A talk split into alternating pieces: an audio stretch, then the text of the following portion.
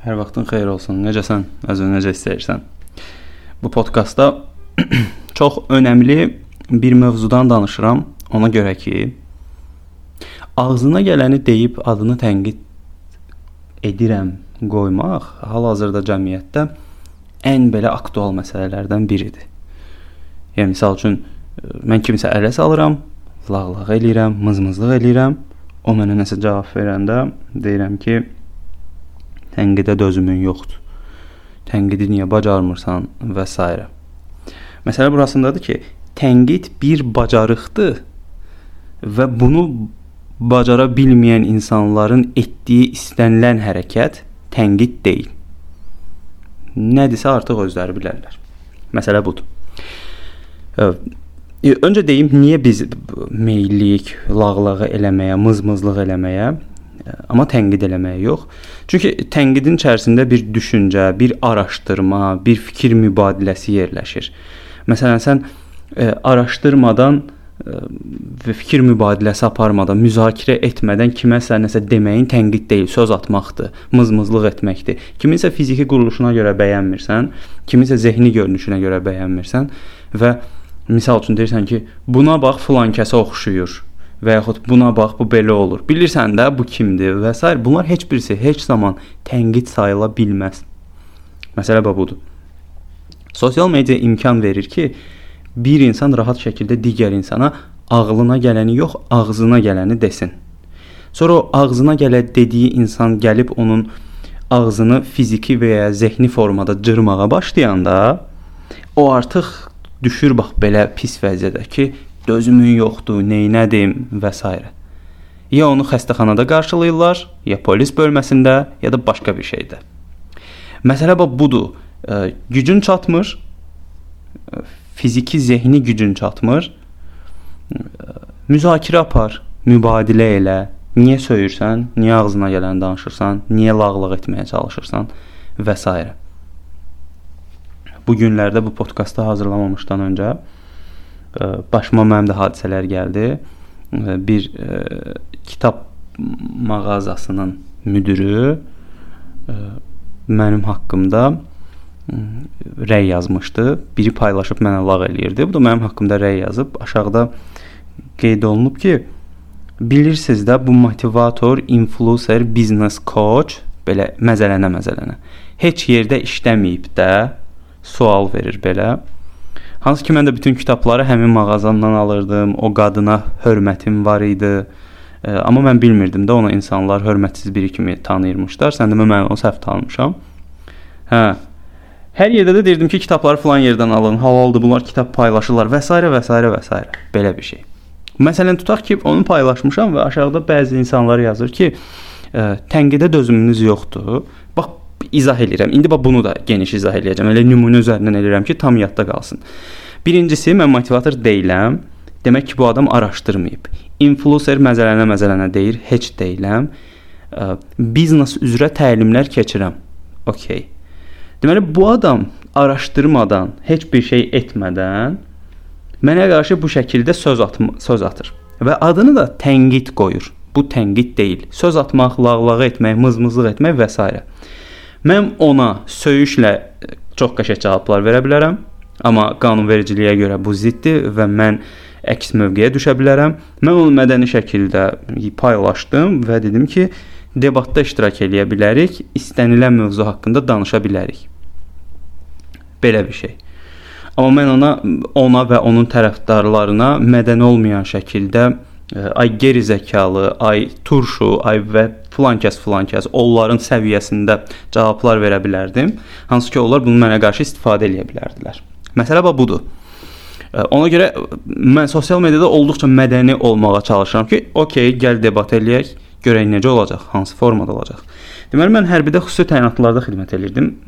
Biz bizim olduğumuz kəşfiyyat taboru çox seçilmiş əskərlərdən ibarət idi. Amma ondan öncə gənc əskər olduğum vaxtda başqa bir hərbi hissədə xidmət edirdim orada.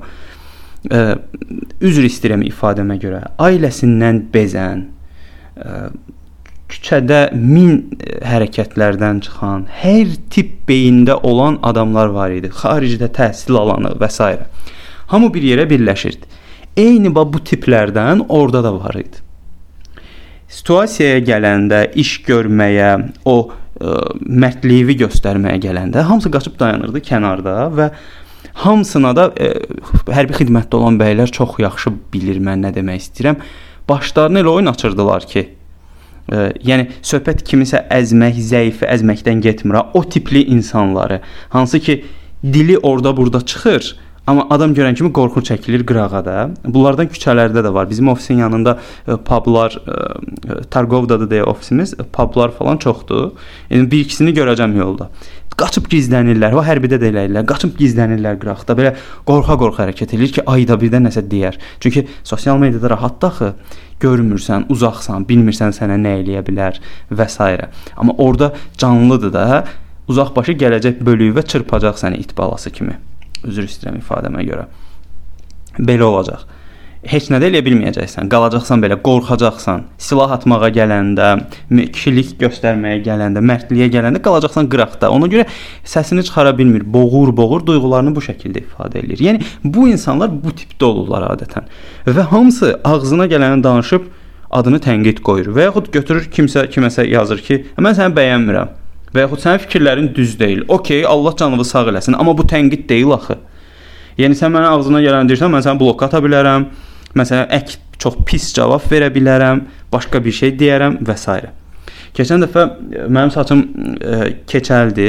Deyirəm saçım keçəldi. Saçım yoxdur. Ə, e, və üzümü də qırxıram tez-tez.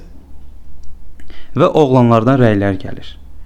Qaqaş sən Johnny Sins-ə oxşuyursan. Səni bir nəfərə bənzədirəm, filan şeyə bənzədirəm. Johnny Sins də porno aktyordur. Bunlar bunu məzələmə ələ salmaq mənasında mənə deyirlər. Mən də cavab olaraq əksəriyyətinə deyəsən sənə və yaxınıva lazımdır deyə soruşursan, belə maraqlısan. Cavabı verəndən sonra ya rəyi silir, ya əks reaksiya verir, ya xətrinə dəyir, ya qorxur, amma mən dediyimi dedim də artıq. Məsələ budur.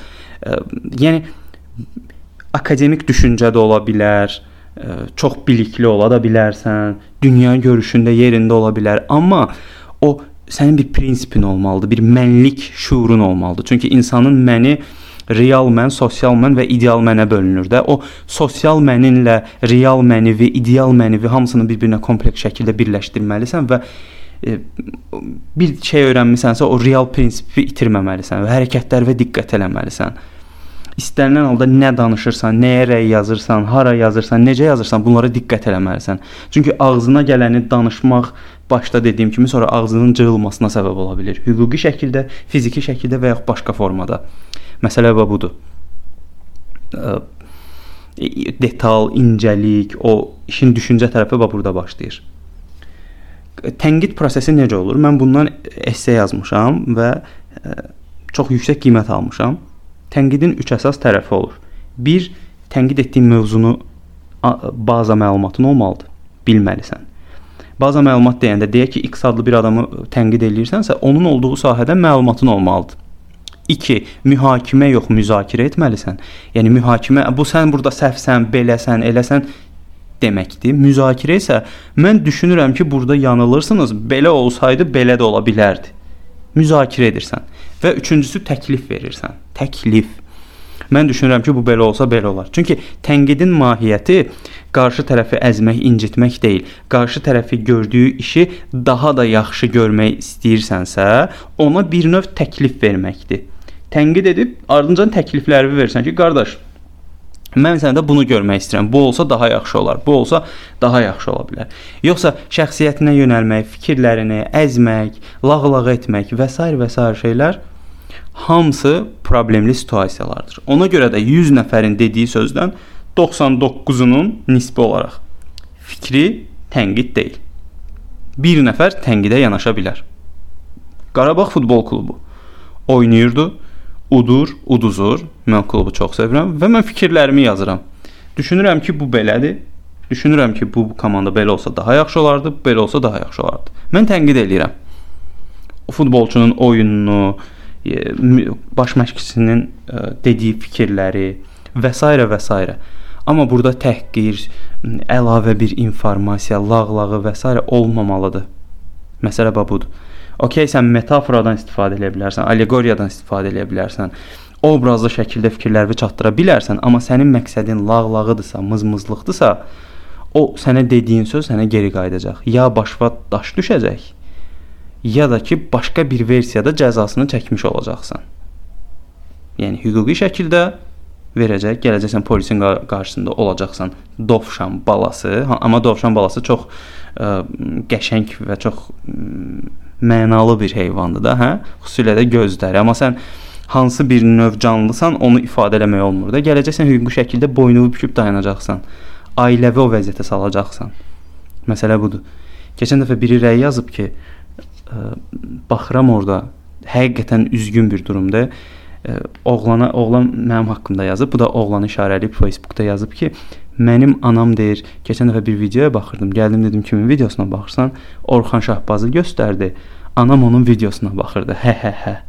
Yəni anasını atır kommentin ortasına və yəni anam onun baxırdı. Yəni demək istəyir ki, Orxan Şahbazı bəyənmirəm, belə-belə adamdır, məzələnirəm, anam da ona baxır. Yəni anasını oraya atan insan nə olacaq? Məsələ odur. İndi onu görəcəm yolda görəndə bir qulaq burması eləyəcəm ona. E, qulaq burması eləmə halı da yoxdur adamın. Amma istənilən halda da bizim dəvxı bir valideyn, ana, ata, böyük, kiçik bir e, qəlibi var da, mental qəlibi. Yəni onu sərhəddir də, onu əzmək olmaz. Nə qədər də akademik olursan, ola dünyanın hansı yerində oxuyursan, nə eləyirsən, elə amma bir ana obrazı var da, yəni onu da silib atmaq olmaz. O var. O bir etalondur, o bir fundamentdir. Onu eləyə bilmərsən. Amma sən bunu əclafcasına belə bir şeydə lağlağı kimi istifadə edirsənsə, demək ki, sən ə, heç bir söyüşə layiq olmayacaq dərəcədə alçaq birisən. Bu cümləmi başa düşən bütün insanlar başa düşür nə demək istəyirəm. Yəni səni ifadə eləyəcək təhqir belə yoxdur. Sən ondan da aşağı səviyyədəsən. Məsələ budur. Tənqid müzakirə etməlisən, mühakimə yox təklif verməlisən və e, tənqid etdiyin mövzudan anlayışın olmalıdır. Konstruktiv tənqid bax belə olur. Kimisə tənqid eləyəndə də bundan istifadə etmək lazımdır. Tənqid etməmişdən öncə fikirləri deyəndə də bunu düşünüb etmək lazımdır. Bax belə. Növbəti podkastda görüşərik. Özünə yaxşı bax. Hələlik.